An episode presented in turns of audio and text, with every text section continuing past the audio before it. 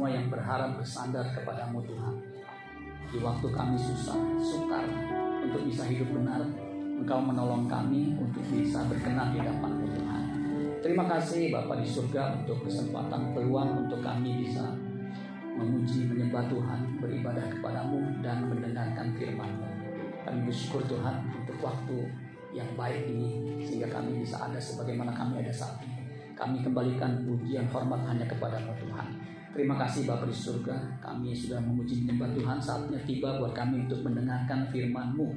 Kami sangat-sangat membutuhkan firman-Mu Tuhan, sebab firman-Mu adalah berita buat kaki kami dan terang buat jalan hidup kami. Urapi kami semua, urapi hambamu yang tidak ada apa-apanya ini.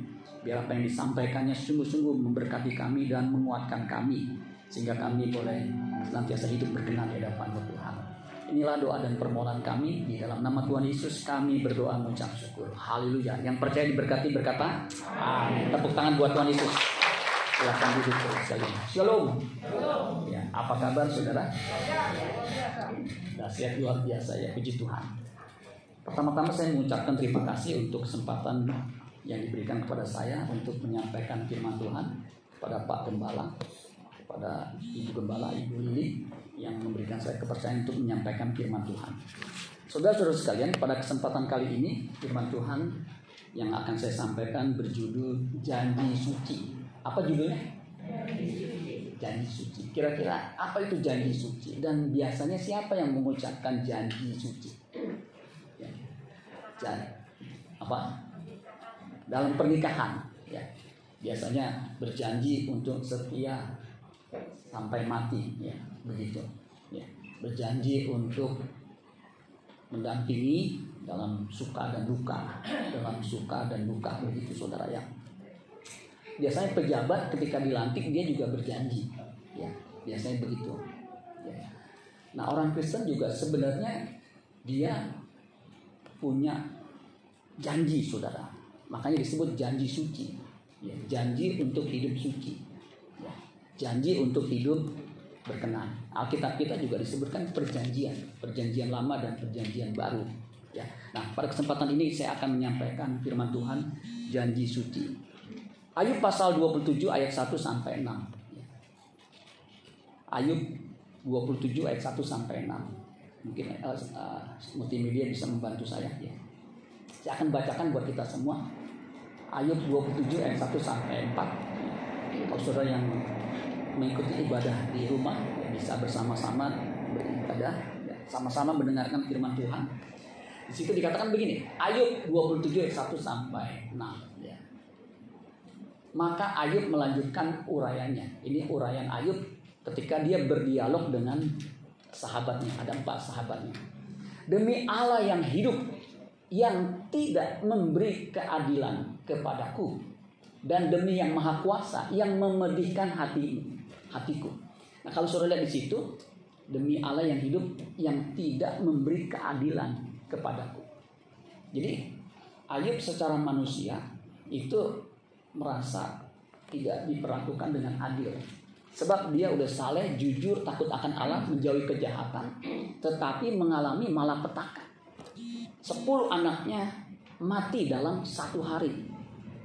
So bisa bayangkan, sepuluh anaknya meninggal. Satu anak meninggal aja luar biasa sedihnya. Ini sepuluh. Kemudian hartanya ludes, habis. Padahal dia orang yang terkaya di bagian timur pada waktu itu. Orang terkaya, berarti nomor satu terkaya. Habis harta bendanya. Kemudian kesehatannya. Kesehatannya itu luar biasa drastis. Dari batok kepala sampai ujung kaki itu borok semua. Penyakit orang susah, borokan. Kemudian istrinya meninggalkan dia, bahkan menyuruh dia menyumpahi, memaki Allah. Masih bertekunkah engkau dalam kesalehanmu? Tinggalkan Allahmu, matilah kau, saudara. Jadi dia mengalami penderitaan luar biasa. Makanya dia mengatakan, demi Allah yang hidup, yang tidak memberi keadilan kepadaku, dan demi yang maha kuasa, yang memedihkan hatiku, hatinya pedih, sedih, Selama, perhatikan ayat 3. Selama nafas masih ada padaku dan roh Allah masih di dalam lubang hidungku. Jadi masih hidup, ya, masih ada nafas. Ya, di sini di sini semua pasti masih bernafas, ya. Maka perhatikan, bibirku sungguh-sungguh tidak akan mengucapkan kecurangan dan lidahku tidak akan melahirkan tipu daya. Nah, ini luar biasa. Ya, tekad janji dari Ayub ketika mengalami ketidakadilan, dia tetap menjaga mulutnya, perkataannya. Ya, kita memang mengatakan dia tidak bersalah dalam perkataannya. Padahal untuk bisa menjaga perkataan itu tidak mudah. Manusia untuk bisa mampu berbicara butuh waktu 2 sampai 3 tahun. Betul nggak? Nggak ada bayi yang pas lahir langsung shalom. Nggak ada. Pasti dia belajar dulu. Biasa kata yang diucapkan mama mama ah gitu. Mama ma ma mau makan gitu ya. Tetapi untuk bisa menjaga perkataannya sempurna, bisa menjaga perkataannya benar, itu butuh waktu minimal 50 tahun. Makanya Alkitab mengatakan kita bersalah dalam banyak hal ya, terutama dalam perkataan. Tetapi barang siapa yang sempurna dalam perkataan, yang tidak bersalah dalam perkataannya adalah orang yang sempurna. Itu ayatnya di mana? Di Alkitab, Yakobus. Yakobus 3 ayat 2. Jadi orang yang tidak bersalah dalam perkataannya itu orang yang sempurna, yang tidak bercacat, tidak bercela. Ya. Nah, untuk bisa menjaga perkataannya tidak melahirkan tipu daya, itu sukar, apalagi di tengah penderitaan kita biasanya suka memaki-maki ketika kita menderita. Ya. Tetapi Ayub menjaga perkataannya. Kenapa dia bisa begitu? Karena dia punya tekad. Selama hayat masih dikandung badan, selama nafasku masih ada padaku dan roh Allah ada dalam diriku, itu tekadnya saudara sekalian. Maka judul khotbah saya adalah janji suci atau tekad suci. Ya. Ayat 5, aku sama sekali tidak membenarkan kamu. Ya. Memang sahabat-sahabatnya mengatakan nggak mungkin kalau kamu nggak bersalah. Masa penderitaan seperti ini. Memang pada umumnya orang memahami kalau orang benar, orang saleh itu pasti tidak akan mengalami penderitaan. Umumnya begitu. Kalau dia mengalami penderitaan pasti ada dosa besar. Makanya Ayub mengatakan aku sama sekali tidak membenarkan kamu karena keadaanku saleh jujur takut akan Allah menjauhi kejahatan. Itu kan orang yang luar biasa. Sampai binasa aku tetap mempertahankan bahwa aku tidak bersalah. Ah ini luar biasa ya sampai binasa artinya sampai mati aku mempertahankan bahwa aku tidak bersalah nah, itu luar biasanya kebenaranku ku pegang teguh dan tidak ku lepaskan ini luar biasa suruh sekalian hatiku tidak mencela sehari pun daripada umurku. Jadi sehari pun dia tidak mau berbuat dosa berbuat salah. Ini tekad yang luar biasa yang juga harus kita miliki. Amin suruh sekalian. Apalagi orang Kristen seluruh sekalian. Kita juga mesti punya tekad seperti ini. Ini perjanjian lama loh Ayub itu. Ya, bahkan katanya ini dia hidup sejaman dengan para tokoh-tokoh perjanjian lama awal. Ya. Nah, saudara, bukan hanya di sini Ayub mengucapkan janji atau uh, sumpahnya, tetapi di Ayub pasal 31 itu dia juga pernah ngomong ya, mengatakan begini, Ayub 31 di slide selanjutnya dikatakan begini. Ayub 31 ayat 1 bahasa Indonesia masa kini. Nah, ini bahasa Indonesia masa kini itu lebih jelas. Ya. Dengan sumpah aku telah berjanji. Luar biasa. Dengan sumpah aku telah berjanji. Ya. Sumpah janji itu kan sebenarnya sasamiwan sama saja samimawan itu kan sinonim. Tapi di sini digunakan dua kali dengan sumpah aku berjanji gadis muda tak akan kupandang dengan berahi. Ini luar biasa ya. Pria-pria di sini kalau ke mall ya, itu hati-hati dengan matamu. Sebab apa? Di mall kita nggak bisa kontrol wanita-wanita pakaiannya apa kita nggak bisa kontrol. Ada yang pakaiannya itu ya, roknya satu jengkal dari lutut. Saudara bisa bayangin satu jengkal dari lutut. Ya.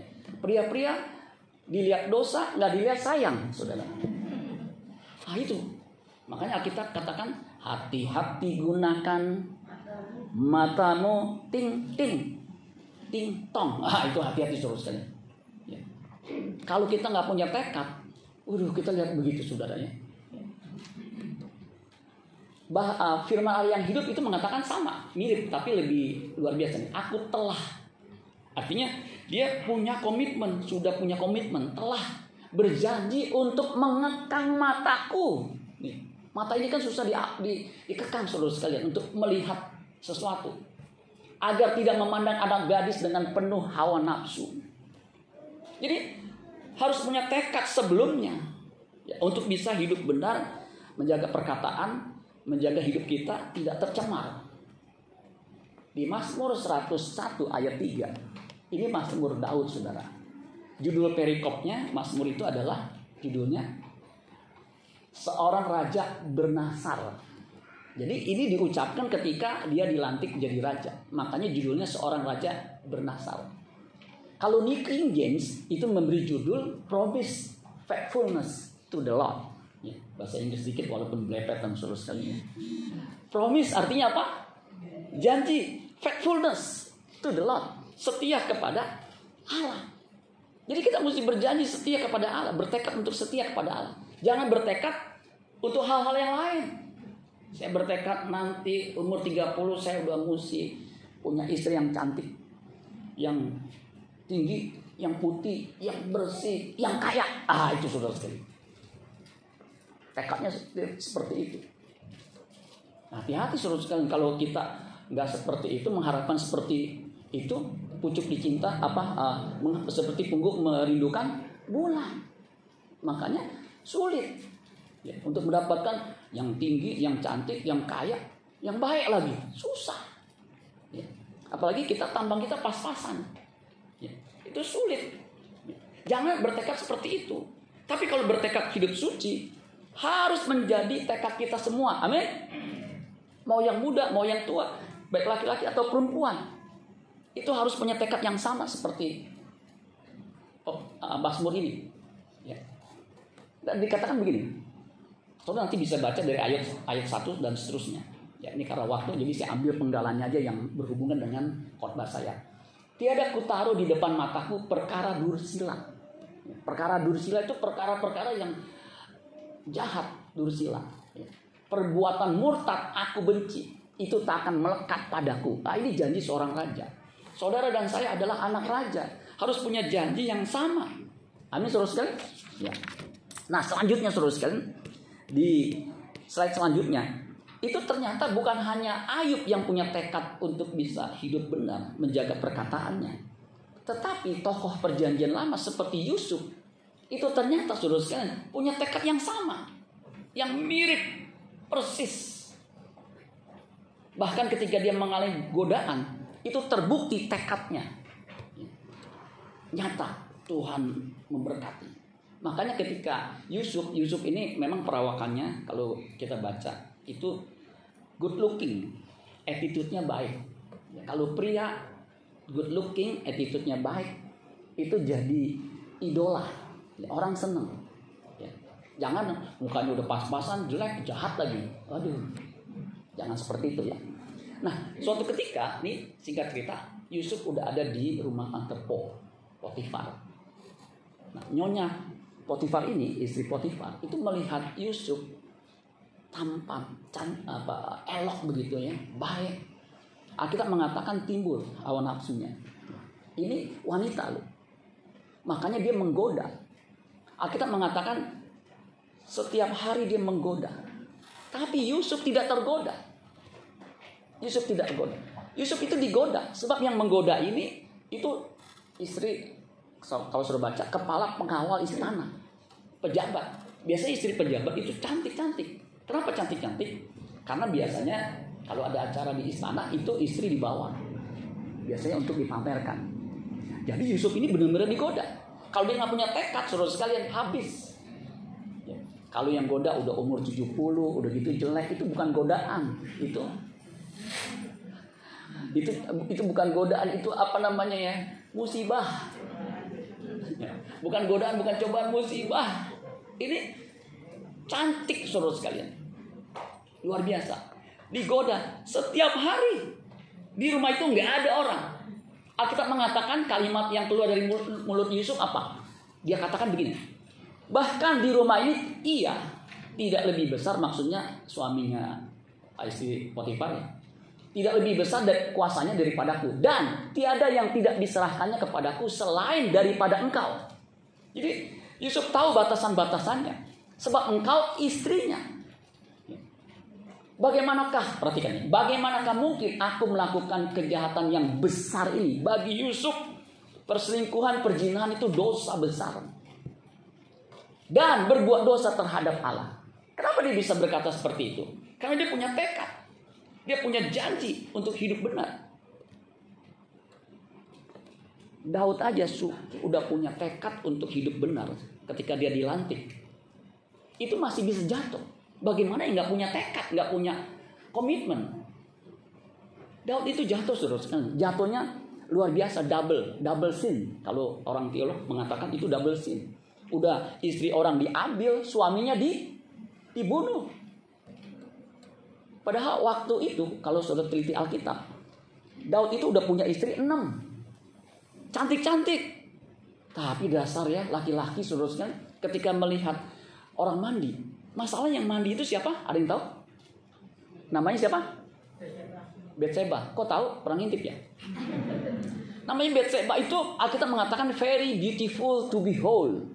Sangat cantik untuk dilihat. Jadi ibarat mobil tuh BMW. Tahu BMW kan? Baheno montok wele-wele. Jadi ketika mandi itu menimbulkan hawa nafsu. Cantik. Pasti kamar mandinya nggak pindah-pindah, ada di situ. Dekat istana. Nah Daud kan tahu ada orang mandi. Harusnya dia jaga matanya. Yang dia lihat istrinya aja. Ini dia lihat. Ketika dia lihat, tinyut-nyut, tinyut-nyut. Itu siapa yang mandi? Dipanggil lah. Kemudian terjadilah musibah itu terus kan. Sampai punya anak, mengandung. Dan suaminya dibunuh. Pembunuhan berencana pasal 340. Hukumannya 20 tahun seumur hidup atau hukuman? Tahu semua nih, jangan-jangan hakim semua nih. Pasal 340, jangan lupa tuh. Kalau pasal 303, judi. Judi dilarang saudara sekalian. Ya apalagi orang Kristen main judi, tidak boleh. Tapi kalau menang Pak, puji Tuhan. yang nggak boleh juga saudara sekalian. Nah, itu loh. Jadi orang yang punya komitmen aja bisa jatuh dalam dosa, apalagi enggak. Makanya saya mau membangkitkan kita semua untuk punya tekad saudara sekalian. Satu lagi daya. Saya ingin menjelaskan bahwa tekad untuk hidup suci ini perlu kita kobarkan. Jangan berpikir bahwa kita udah selamat, udah percaya Yesus, nanti mati masuk surga. Urusan hidup kita keberes, nanti Tuhan sudah hapus dengan darahnya yang kudus. Nggak mungkin. Kalau saudara Kristen di gereja. Itu air mata mengalir begitu ya. Dari air mata dari mata kan air mata namanya. Dari hidung apa? Mengalir gitu saudara. Dari ini kemudian di wow begitu. Tetapi kalau saudara di luar jahat kira-kira masuk surga nggak orang seperti ini? Nah, kamu pembuat kejahatan. Itu kejahatan Yesus bilang. Bukan orang yang berseru Tuhan Tuhan yang akan masuk dalam kerajaan surga, melainkan dia yang melakukan kehendak Bapakku yang di surga. Jadi jangan merasa enteng aja. Ya, menjadi Kristen tapi hidupnya amburadul. Itu sesat ajaran yang salah. Ya. Nah, satu lagi Daniel. Daniel ini saudara sekalian dan Yusuf, kalau saudara baca Alkitab, tidak ada pelanggaran yang ditulis. Kalau Abraham kan ditulis dia bohong, walaupun bohong halus. Ya, mengaku istrinya itu sebagai saudaranya. Ya. Kalau saya kan ini istri saya, nggak mungkin saya aku ini siapa cantik begini. Cantiknya kok melebihi batas siapa? Saya pasti bilang ini istri saya. Nggak bilang ini adik saya. Ya. Pasti ngomong. Nanti kalau ketahuan ya bapak kok bohong itu kan istri bapak kok bapak bilang anak, eh bapak bilang anak, bapak bilang adik. Abraham pernah seperti itu. Kalau Yakub apalagi rajanya bohong terus kalinya. Pamannya aja dibohongin, ayahnya aja Ishak dibohongin. Tapi kalau Yusuf dan Daniel ini nggak ada pelanggarannya yang ditulis di Alkitab. Kenapa? Dia juga punya komitmen, punya tekad sejak muda. Makanya anak-anak muda ini harus punya tekad untuk hidup suci, hidup benar, ya sedini mungkin sehingga punya kekuatan. Jangan sampai udah umur 62, 60 sekian lebih Tapi masih mata keranjang. Masih mengkoleksi asisten pribadi. Sampai 40. Buat apa? Saya punya asisten satu aja udah cukup. Lebih dari cukup. Dia sebagai support sistem saya. Nanti makan apa Pak ya habis ini? Dia siapin. Begitu saudara. Ini sampai 40 sekian. Waduh. Sulit nanti untuk bisa lepas dari ikatan-ikatan dosa itu. Nah, Daniel ini dikatakan begini, Daniel 1 ayat 8. Ini Alkitab yang terbuka, saudara bisa baca versi yang lain juga ya. Dikatakan Daniel sungguh-sungguh bertekad dalam hatinya untuk tidak mencemarkan dirinya dengan santapan raja dan dengan anggur minuman raja. Oleh sebab itu dia meminta kepada kepala pegawai istana supaya dia tidak mencemarkan dirinya. Artinya tidak diberikan makanan-makanan raja. Ya. Makanan minuman raja itu pasti enak-enak. Ya. Kalau sudah misalnya ke suatu pesta orang-orang kaya, itu pasti enak-enak. Es krimnya aja pasti bukannya es krim yang lain tapi Hagendas, betul nggak? Yang sekali satu cup itu bisa 40 60 ribu. Jadi sekali begitu tuh ban begitu terus kan. Nggak mungkin. Kalau saya sebut es krim yang lain ya saudara tahu lah ya. Ini mahal. Saya pernah acara perkawinan. Ya, itu bos besar. Itu es krimnya Hagendas. Saya bilang, waduh ini doyan anak saya nih. Cuman jarang saya beliin. Sebab apa? Mahal. Saya ambil banyak nanti ketahuan. Malu. Saya ambil aja satu. Memang enak tuh ya. Begitu. Nah ini dia tidak mau mencebarkan ya makanan raja, minuman raja pasti enak. Anggurnya juga anggur yang vintage yang sekian, ya pasti enak. Tapi dia tahu bahwa makanan minuman ini pasti sudah diberikan atau sudah dipersembahkan kepada dewa dewi, ya, kepada sesembahan bangsa uh, apa Babylon. Sehingga Daniel dan teman-temannya itu berdekat nggak mau mencemarkan dirinya. Ya. Padahal makanan enak. Ya, begitu. Ini tekad yang luar biasa. Makanya nggak heran Daniel itu saudara. Itu dipercaya dia punya hikmat yang luar biasa. Rohnya luar biasa. Excellent spirit. Ya. Karena apa? Dia tidak mencemarkan dirinya. Nah ini Daniel. Nah orang Kristen juga harus punya tekad. Amin sekalian. Untuk hidup suci. 1 Tesalonika 4 ayat 7 sampai 8. Itu jelas dikatakan. ya Panggilan kita adalah hidup suci. Karena panggilan kita hidup suci. Kita juga harus punya tekad ini. Bahkan harus menjadi satu-satunya tekad kita. Kalau yang lain tidak tercapai, nggak masalah lah. Saya nanti umur 40 harus punya villa di Bali.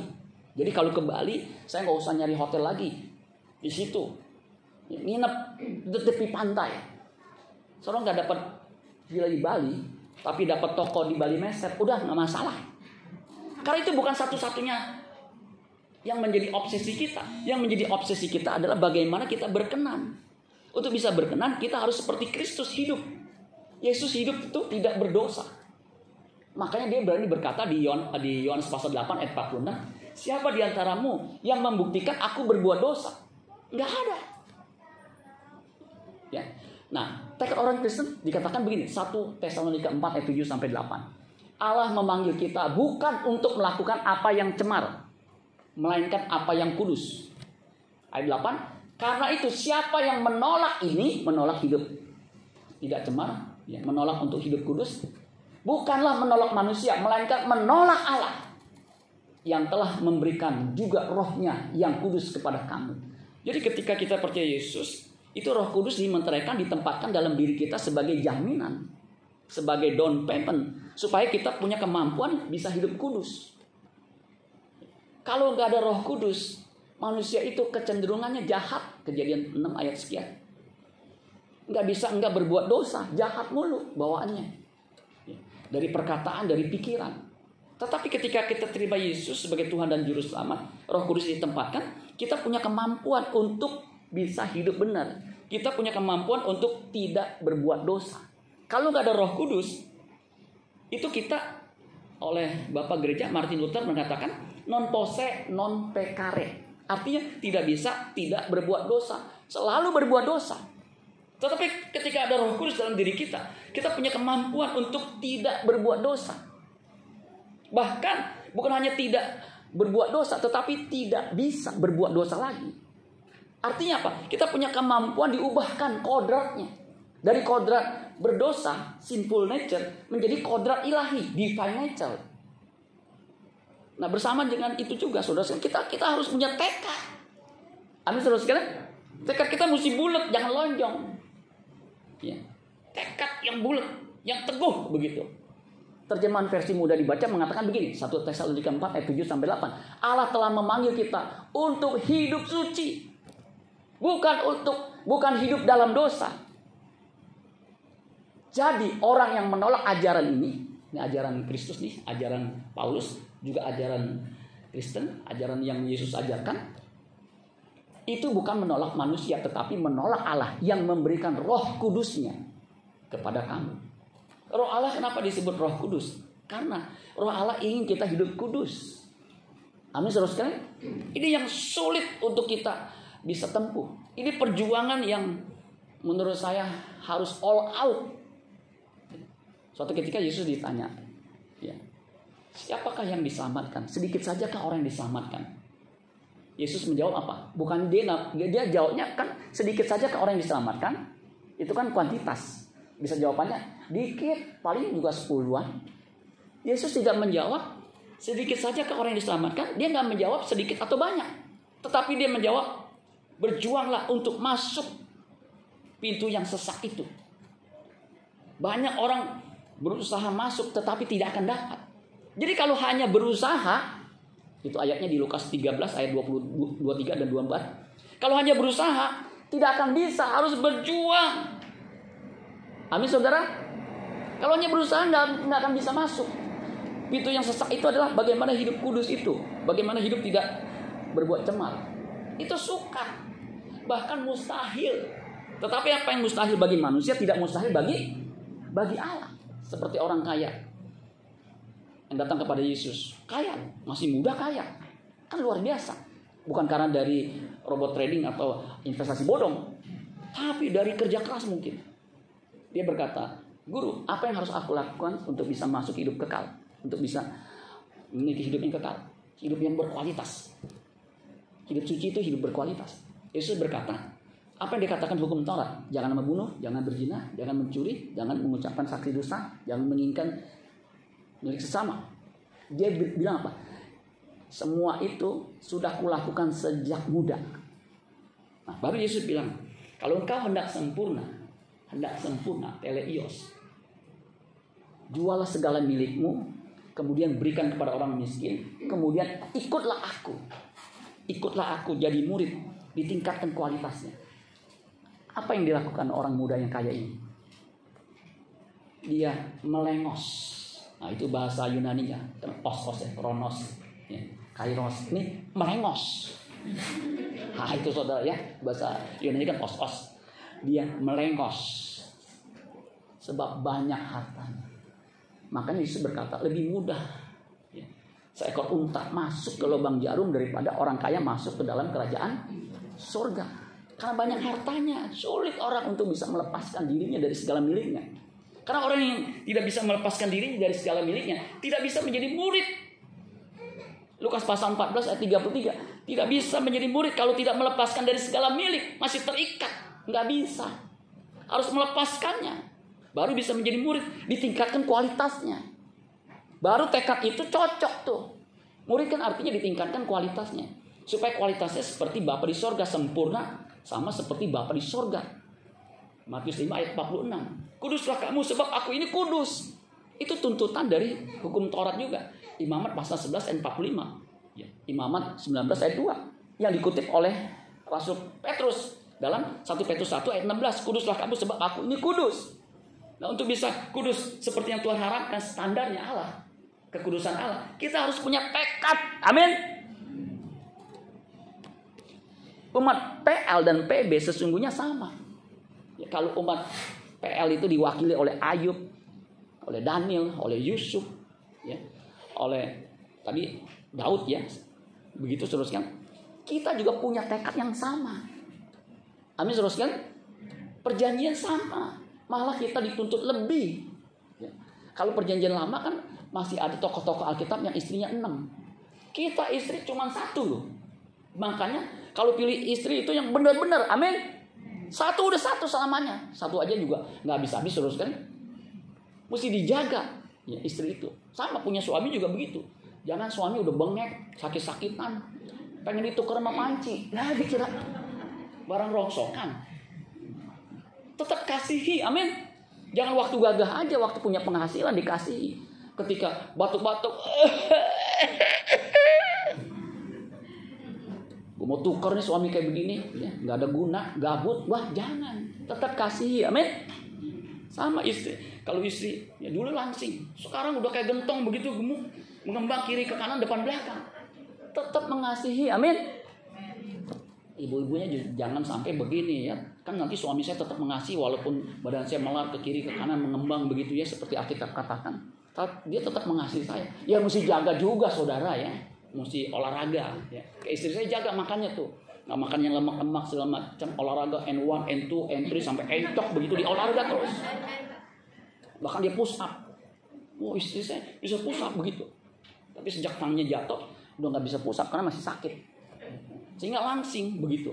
Ini saya nggak nuntut. Ya, kayak saya perut saya. Itu saya jaga jangan sampai buncit. Sebab kalau buncit katanya banyak lemak-lemak itu orang lebih cepat mati katanya begitu. Jadi saya jaga tuh. Saya push up, saya pull up, saya sit up begitu ya. N1, N2, N2 sampai enggak sampai encok sih, itu sampai wah oh, begitu perutnya. Emang nggak ada cara lain pak untuk uh, ngempesin perut? Nggak ada. Katanya sih ada. Tepuk-tepukannya begini. Setiap hari tiga kali. Sambil ngomong, malu-maluin, malu-maluin, malu-maluin.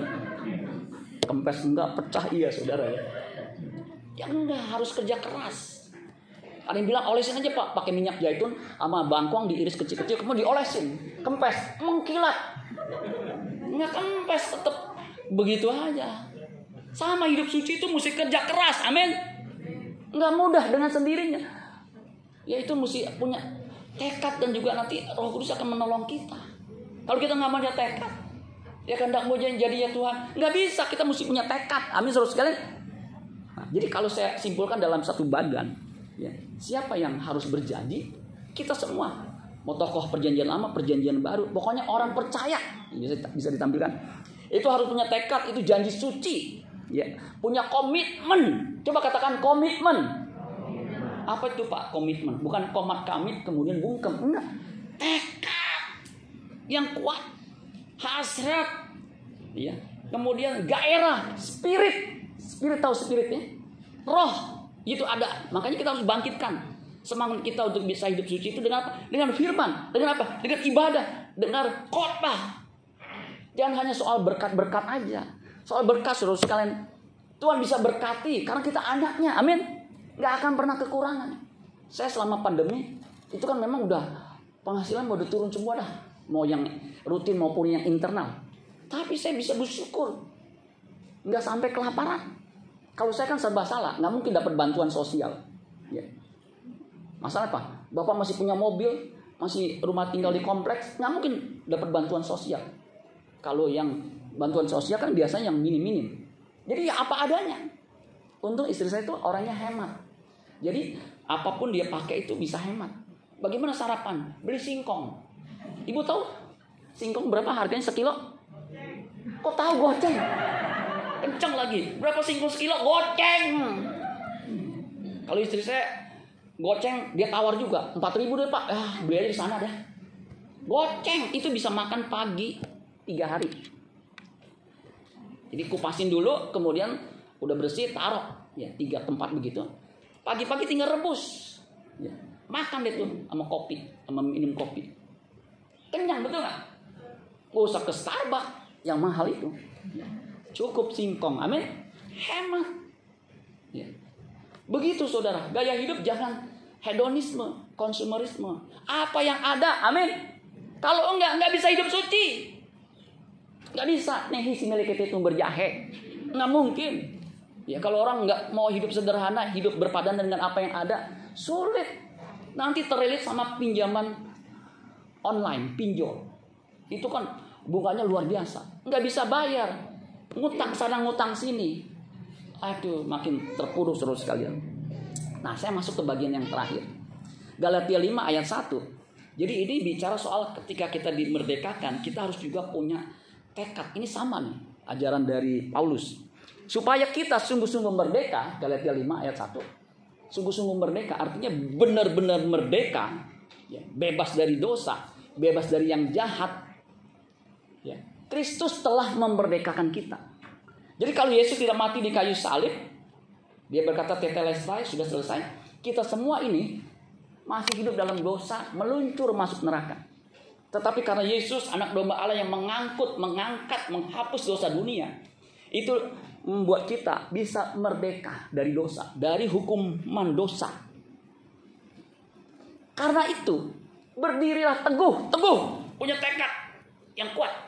Dan jangan lagi, dan jangan mau lagi. Artinya masih ada possibility, ada kemungkinan. Karena ada jangan mau lagi, lagi. Dikenakan kuk perhambaan. Jadi kita ini walaupun kita udah jadi Kristen, kita masih punya potensi untuk melakukan dosa. Makanya diperingatkan, jangan mau lagi. Tuh, jangan mau lagi dikenakan kuk perhambaan. Perhambaan, perhambaan maksudnya perhambaan dosa, ikatan dosa, budak dosa. Harus sampai betul-betul bebas. Jadi kalau ini misalnya ada kotoran supaya bisa bebas dikeluarkan. Amin saudara sekalian. Makanya Paulus berkata, keluarlah kamu dari antara mereka. Ya. Uruskanlah dirimu dikeluarkan supaya bisa bebas. Dan kita sendiri harus mengeluarkannya dengan pertolongan Roh Kudus dalam diri kita itu. Jangan suruh orang lain. Hidup kudus itu tanggung jawab kita semua. Dan jangan mau lagi dikenakan kuk perhambaan. Nah, terjemahan uh, di ayat 13 itu dikatakan begini ayat 13 dari Galatia. Jadi saudara nanti bisa baca dari ayat 1 sampai 13 itu masih berhubungan antara dimerdekakan ya kemudian sama kesempatan untuk bisa hidup benar itu saling berhubungan. Saudara-saudara dikatakan memang kamu telah dipanggil untuk merdeka. Kita dipanggil untuk merdeka artinya untuk hidup suci, bebas dari dosa. Ya. Kemudian dikatakan tetapi janganlah kamu mempergunakan kemerdekaan itu sebagai kesempatan. Untuk apa? untuk kehidupan dalam dosa, melainkan layanilah seorang akan yang lain oleh kasih. Jadi jangan gunakan kesempatan kita sudah dimerdekakan itu untuk berbuat dosa. Di Roma 6 ayat 1 Paulus pernah bilang begini. Bolehkah kita bertekun dalam dosa supaya kasih karunia bertambah-tambah? Itu ayat 1. Ayat 2 jawabannya sekali-kali tidak. Artinya jangan coba-coba. Ketika ada kesempatan dosa, ya udah, udah untuk kali ini aja deh. Jangan. Harus bertekad sekali-kali ini tidak.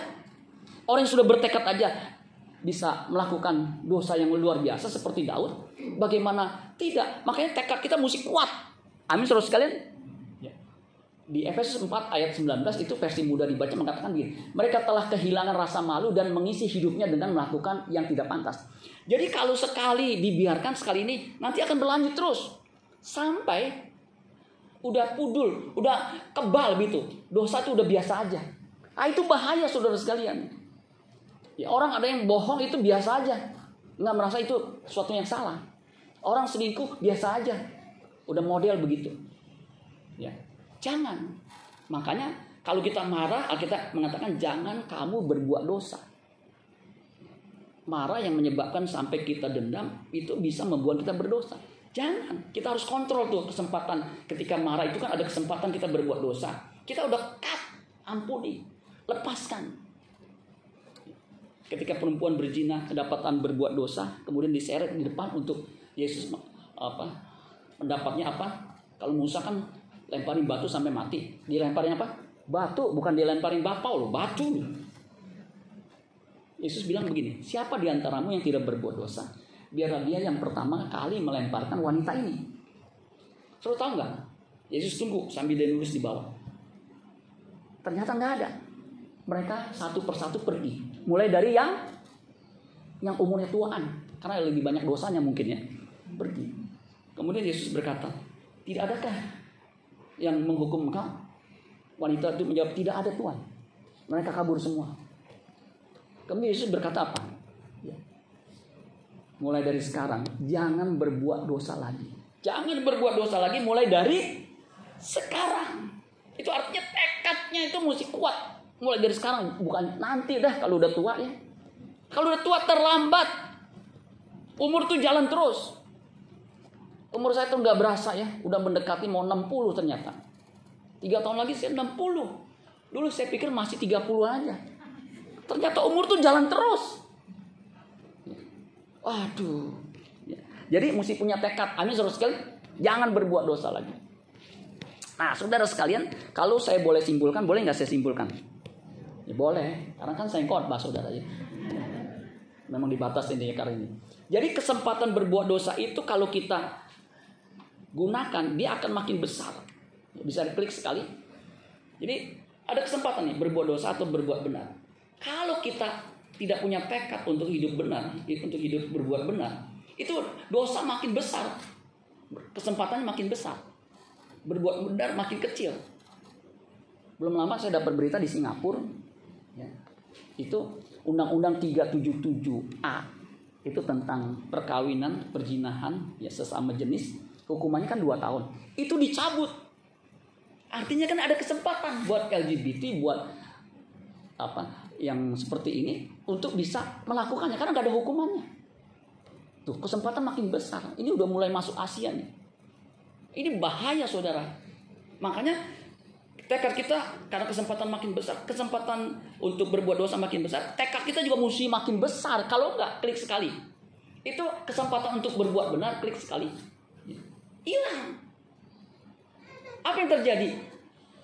Wahyu pasal 22 ayat 11. Orang cemar akan terus berbuat cemar. Orang jahat akan berbuat jahat terus. Sampai tanpa batas kejahatannya. Sampai kita pikir kok bisa ya orang Kristen melakukan kekejian seperti itu ya. Ajudannya sendiri dibunuh. Wah itu kan sulit dimengerti pakai akal sehat. Kenapa? Karena kesempatan untuk berbuat benarnya habis. Dia punya pangkat, dia punya kedudukan, dia punya fasilitas, dia punya segala-galanya. Habis lah.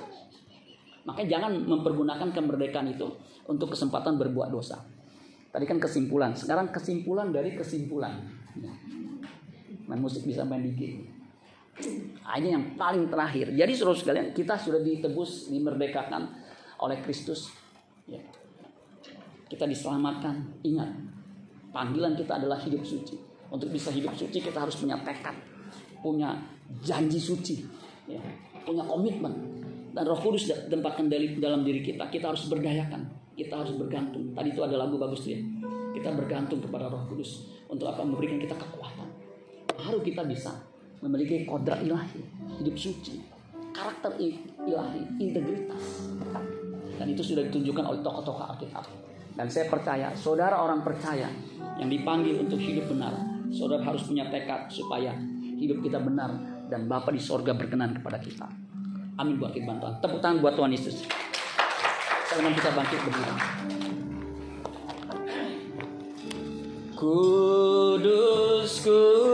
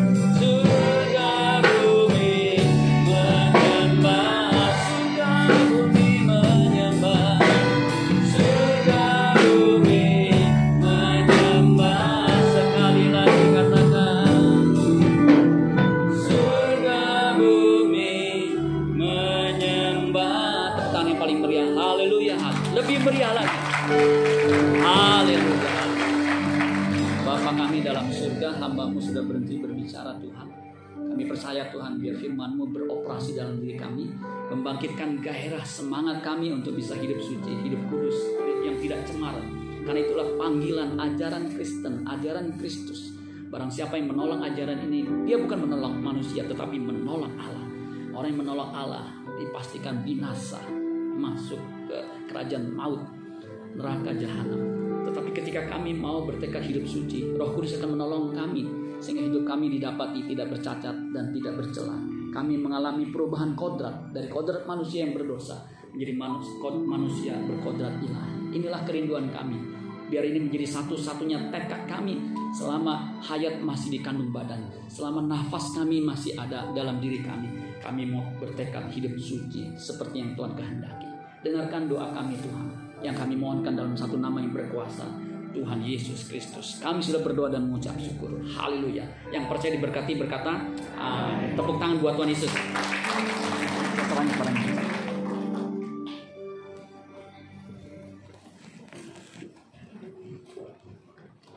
Terima kasih pada Bapak Pendeta Teja untuk pelayanan hari ini dan selamat. Amin. Dan untuk pengumuman di minggu depan. Telah dibuka kembali pendaftaran